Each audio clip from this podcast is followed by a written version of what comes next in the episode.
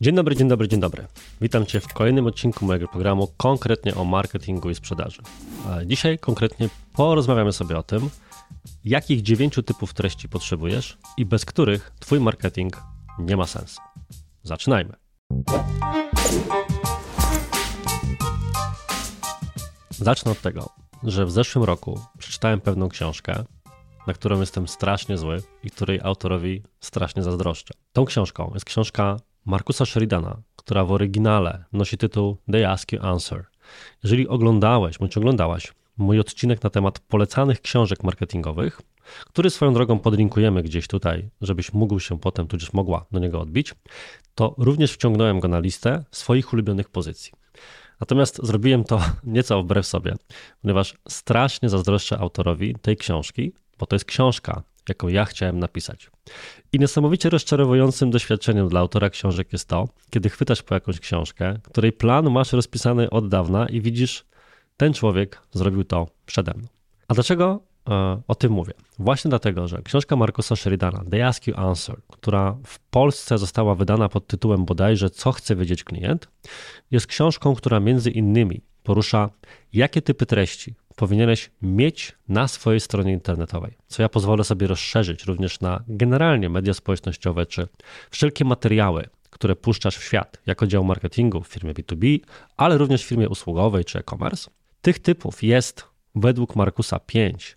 Natomiast ja dodaję do tego kilka jeszcze od siebie, które mam nadzieję albo z radością stwierdzisz w swoim biznesie już używasz, albo jeżeli jeszcze ich nie używasz, to zaczniesz, bo to są faktyczne treści, które jeżeli są wykorzystywane przez dział marketingu, dział sprzedaży, dział obsługi klienta, są możliwe do znalezienia na Twojej stronie i tak dalej, i tak dalej, generują zapytania, budują zaufanie, generalnie robią właśnie to, co dobre treści marketingowe robić powinny. I jednocześnie bardzo Ci polecam tę książkę, ponieważ ona jest filozoficznie bliska temu, co ja sądzę o treściach marketingowych i jak powinno się je tworzyć. Czasami na przykład jestem e, proszony o rekomendacje tytułów, tak trochę śmiechem, trochę żartem, które powinno się podsunąć szefowi do przeczytania. Jeżeli zakładamy oczywiście, że szef jest tą złą figurą, jak to się nieraz robi, która takich rzeczy po prostu nie wie. Więc jeżeli twój szef nie czyta książek marketingowych, a chciałbyś bądź chciałabyś jedną mu podsunąć, to niech to będzie They Ask You Answer. Właśnie dlatego, że ma też w sobie dużo procesowego podejścia do tworzenia treści marketingowych. No ale nie przyszedłeś bądź nie przyszłaś tutaj właśnie w kierunku tego, żeby teraz słuchać o jakiejś książce, to nie jest kącik literacki, od tego mam inny odcinek. Skupmy się nad tymi treściami, jakie je tworzyć. Gdybym miał podsumować swoją filozofię robienia marketingu i jednocześnie budując trochę na tym, co również w swojej książce mówi Marcos Sheridan, to powiedziałbym, że tworzenie treści marketingowych, a szczególnie gdy mówimy o segmencie B2B, działa w ten sposób. Są to proste, a czasami nawet banalne pytania, potraktowane w poważny sposób, na które udzielasz odpowiedzi na przykładach z własnego doświadczenia. Z mojej perspektywy jest to jedno z najważniejszych zdań dotyczących marketingu, które właśnie skraca całą filozofię podejścia do treści, szczególnie w segmencie B2B, więc żeby to naprawdę wybrzmiało, będziemy to za chwilę rozmontowywali. Powiedzmy sobie teraz jeszcze. Proste, a czasami nawet banalne pytania, potraktowane w poważny sposób, na które udzielasz odpowiedzi na przykładach najlepiej z własnego doświadczenia. Jeżeli przez pryzmat tego zdania przyjrzysz się treściom, na które natrafiasz w sieci, to zobaczysz, że bardzo często one tych warunków nie spełniają. Na przykład firma pisze treści na swojej stronie, ale są one niesamowicie skomplikowanym językiem podane. Co sprawia, że próbujesz się na przykład doedukować albo czegoś dowiedzieć, ale nie bardzo jesteś w stanie, bo nie rozumiesz o czym czytasz. Albo firma porusza już tak głębokie tematy, podczas gdy ty tak naprawdę potrzebujesz odpowiedzi na bardzo proste pytania. I nie jeden odcinek tego programu poświęciłem już właśnie temu, żeby wyzbyć się swoich własnych uprzedzeń, przekonań i tym podobnych rzeczy, które sprawiają, że na przykład nie poruszamy pewnych tematów, bo wydają nam się zbyt proste, zbyt banalne, bo przecież wszyscy już o tym napisali. I też pewnie gdzieś podrzucimy tutaj tego typu elementy później. Natomiast dziś chciałbym rzeczywiście skupić się wyłącznie na podaniu właśnie tych kilku typów treści, których należałoby tworzyć. I tak jak powiedziałem, Pięć z nich pojawia się w książce Markusza Sheridana, więc potraktuję to jako pewien zachęcający wyimek, a pozostałe są dorzucone przeze mnie. Pierwszym typem treści, które na Twojej stronie, w Twoich mediach społecznościowych i tak dalej powinny się znaleźć, są wszelkie informacje na temat kosztów. Jednym z najczęstszych pytań, najbardziej pierwotnych, najbardziej podstawowych w kontekście każdego możliwego produktu czy każdej możliwej usługi, jaką ktoś zadaje, jest właśnie proste pytanie: ile to kosztuje? Ilekroć rozmawiam z marketerami, przedsiębiorcami i tak na temat tego, że na swojej stronie powinni stworzyć segment, który o tym mówi, w sytuacji, w której coś podlega na przykład zindywidualizowanej wycenie, to już słyszę niemalże w tej chwili te załamywanie rąk przecinających powietrze. Bo zawsze pojawia się wtedy odpowiedź, że no ale wie pan, panie Arturze, no to generalnie zależy, to nie jest takie proste. My musimy mieć wiele informacji na wstępie, to w ogóle każdego klienta traktujemy indywidualnie. No rozumie pan, no tak się nie da zrobić. I oczywiście ja totalnie taką narrację kupuję i rozumiem. Natomiast co chcemy wiedzieć jako potencjalni klienci? Chcemy wiedzieć, ile to kosztuje. I wróćmy teraz właśnie do tej filozofii, którą wyłożyłem na samym początku.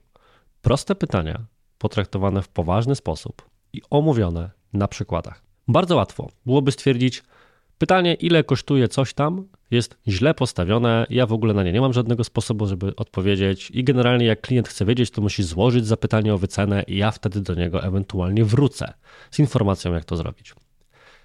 No cóż, być może w takim razie pójdzie do konkurencji, być może zniechęci się, być może po prostu do ciebie się nie zgłosi. Co wobec tego możemy zrobić? Możemy, skoro odpowiedź brzmi to zależy, udzielić odpowiedzi, od czego to zależy.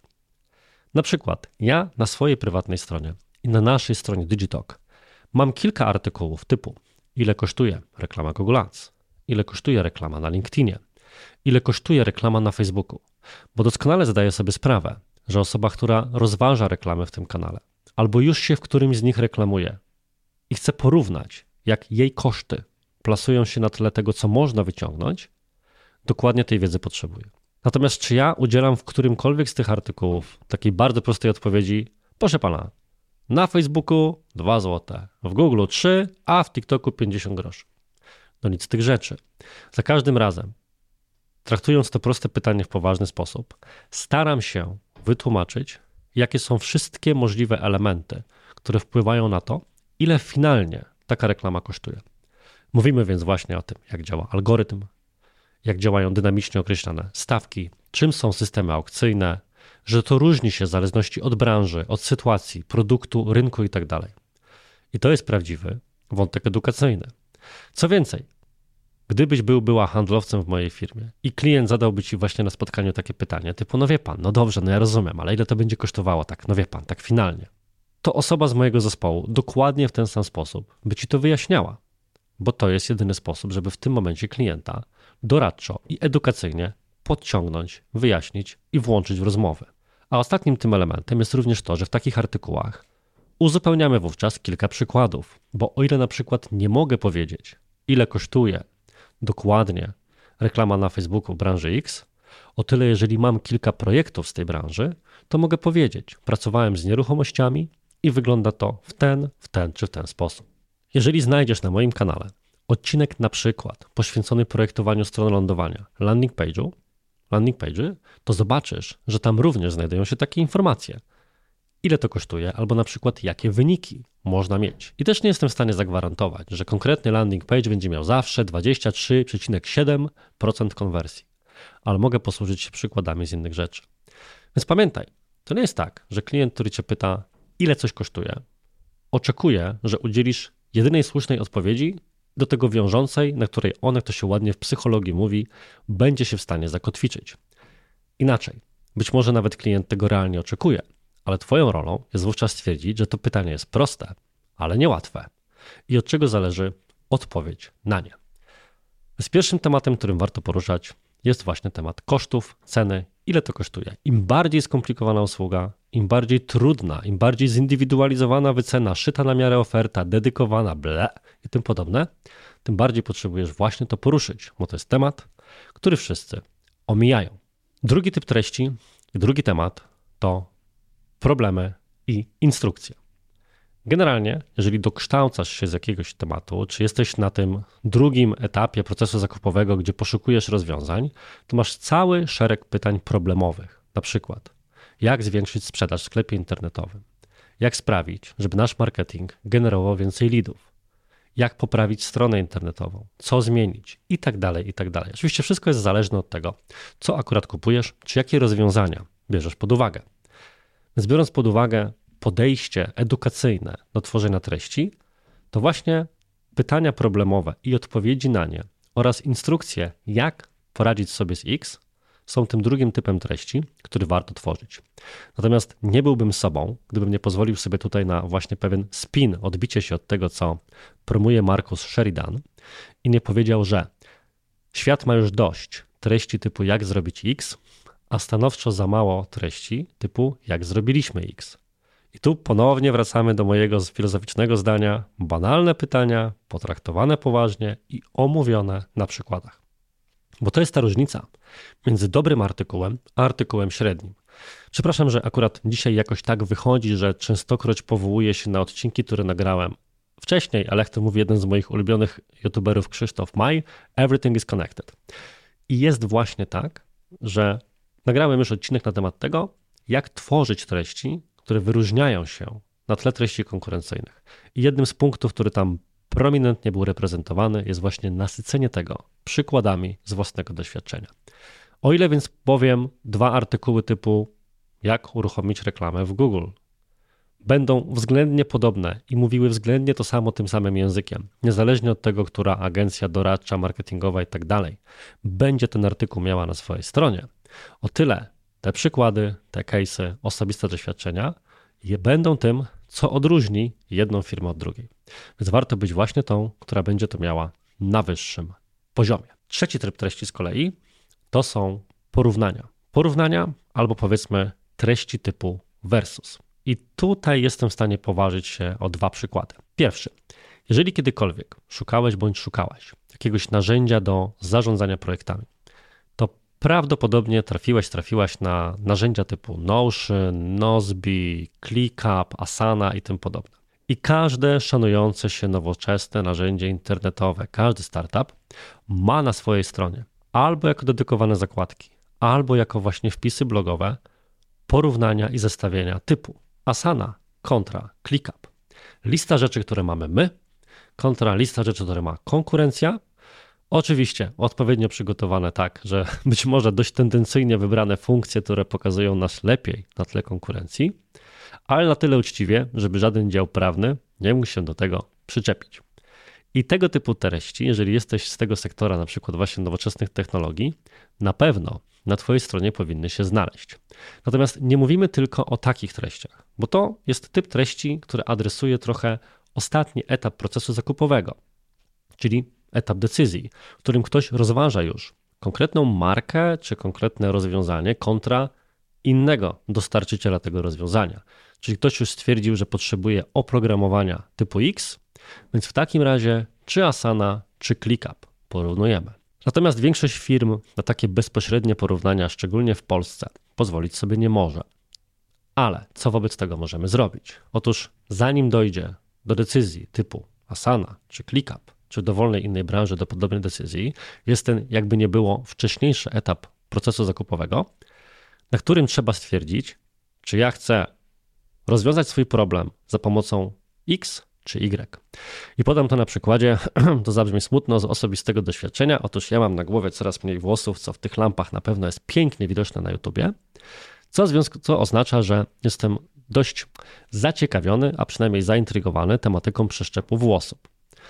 I jeżeli ktokolwiek z Was po drugiej stronie kiedykolwiek się czymś takim interesował, to na pewno szybko trafił na odwieczną debatę w polskim internecie, przynajmniej w tej jego łysiejącej części, czy przeszczep robić w Turcji, czy przeszczep robić w Polsce?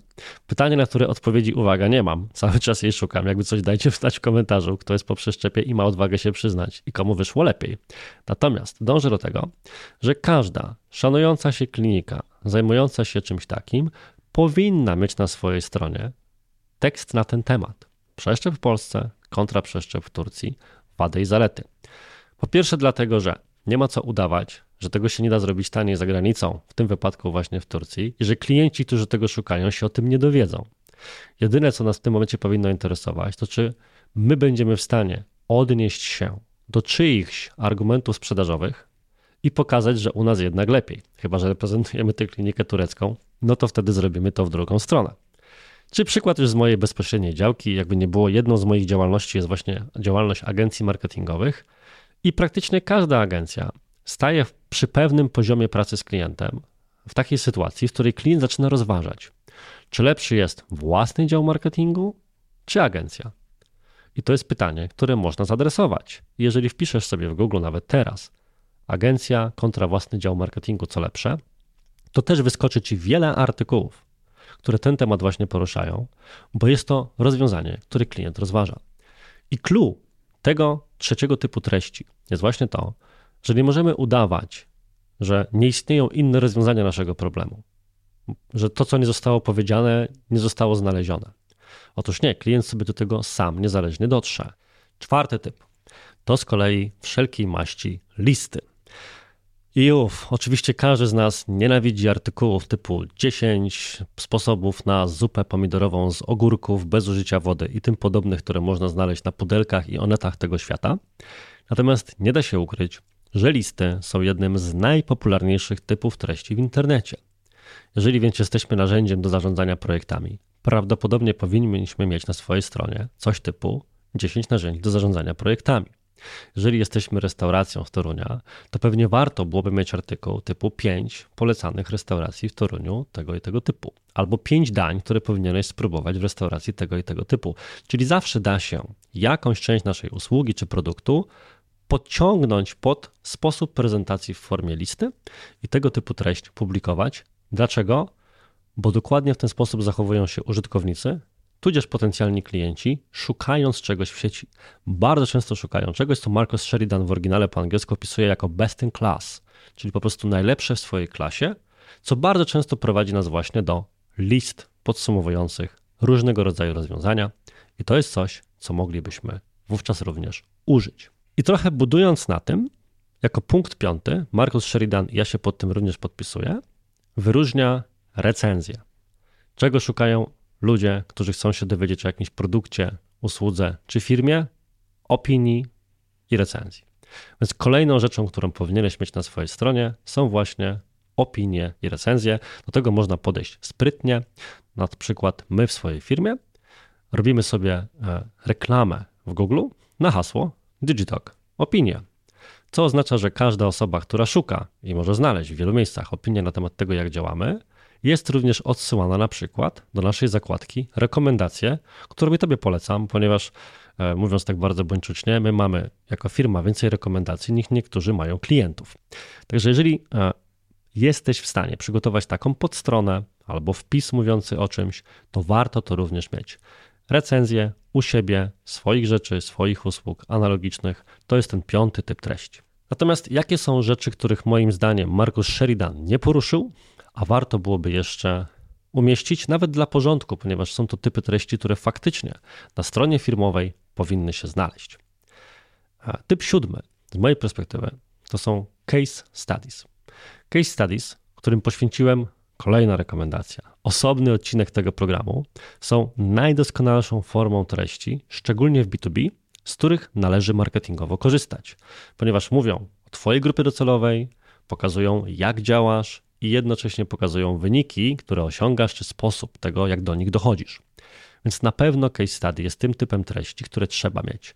Mało ludzi wyszukuje case study, ale nie o to chodzi. My case study możemy użyć jako góry lejka marketingowego, po prostu wrzucając je w reklamy, czy jakkolwiek inaczej rozsyłając klientom w ramach cold mailingów i tym podobne jak również są tym typem treści, do których człowiek może samodzielnie dotrzeć. Czyli jeżeli ktoś już nawet za pomocą innych, bardziej potencjalnie popularnych artykułów czy treści na Twoją stronę trafi, to w tym momencie może również dojść do Twojego case study, możesz je zagnieździć w innych artykułach, ale temat łączenia treści między sobą w obrębie strony i takiej budowania ścieżki użytkownika jest tematem na zupełnie inną okazję. Swoją drogą daj znać, czy byłoby to dla Ciebie potencjalnie interesujące, więc zachęcam e, do komentowania w tym momencie, żebym się dowiedział, czy warto na taki temat przygotować odcinek. Kolejny, siódmy typ treści to z kolei opisy procesów. I to się trochę wiąże z tym, co powiedziałem wcześniej, czyli tworzeniem treści typu jak robimy X. Natomiast Tu mówimy o czymś zupełnie innym. Mówimy o tym, żeby przygotować, z jakich po kolei kroków składa się na przykład u ciebie obsługa czy usługa. Bo skąd klient ma to wiedzieć? Nawet jeżeli są to dość proste i przewidywalne kroki, to po pierwsze są takie dla ciebie, bo ty w tym siedzisz, a po drugie, nawet jeżeli jest to rzecz prosta i powtarzalna i klient przeszedł ją w innych firmach 50 razy, to kluczowe jest słowo w innych. Skąd ma wiedzieć przed faktem, jak to u ciebie wygląda? Więc gorąco zachęcam, żeby tego typu treści również u siebie mieć.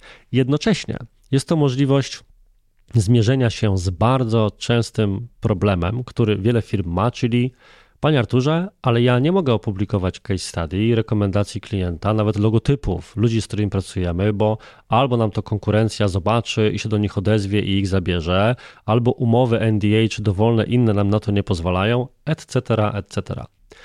No więc wówczas nie musimy tego publikować. Ewentualnie jeszcze taki jeden scenariusz, którego firmy się często boją, czyli my jeszcze nie mamy aż tylu rekomendacji czy opisów, żeby to zrobić, albo w ogóle jeszcze nie mamy klienta, dopiero startujemy, taki scenariusz też jest możliwy.